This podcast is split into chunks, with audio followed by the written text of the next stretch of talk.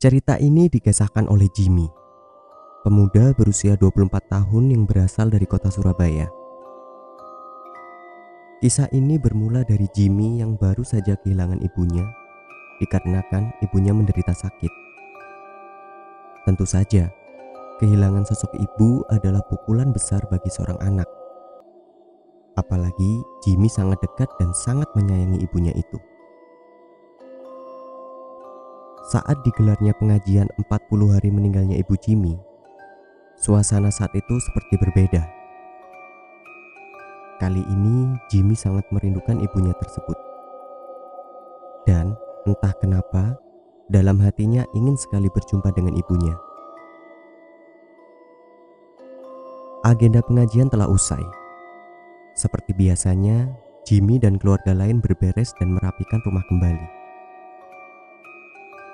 Tepat pukul 10 malam, Jimmy rebahan di kamarnya dikarenakan ia merasa lelah setelah pelaksanaan agenda pengajian ibunya. Kamar Jimmy berada di lantai dua dan terdapat balkon di kamar Jimmy. Suasana malam itu begitu tenang, dan Jimmy tiba-tiba tanpa sadar meneteskan air mata. Kembali mengenang sang ibu. Ibu Jimmy semasa hidupnya gemar sekali menggunakan selendang berwarna hijau, bermotif bunga. Jimmy sangat mengingat sekali betapa cantik ibu Jimmy saat menggunakan selendang itu.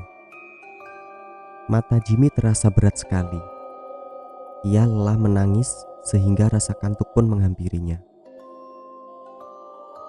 Sayup-sayup dalam kantuknya ia seperti melihat sosok wanita berdiri di balkon kamarnya.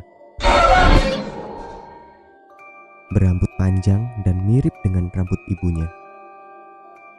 Karena pada saat itu ia merasa mengantuk berat, ia tidak kuat untuk sekedar memeriksa apakah itu memang manusia atau hanya ilusinya saja. Lambat laun, Sosok itu seperti menggunakan sesuatu berwarna hijau, seperti selendang ibu. Dalam pandangannya, sosok itu seperti melambai kepada Jimmy. Pada saat yang bersamaan terdengar suara ikhlas. Setelah Jimmy mendengar suara itu, rasa kantuk tiba-tiba hilang dan ia bergegas bangun dari posisi rebahannya. Namun saat ia bangun dari posisinya, sosok itu menghilang dan tersisa bau wangi khas parfum sang ibu. Jimmy seketika menangis dan bertanya pada dirinya sendiri.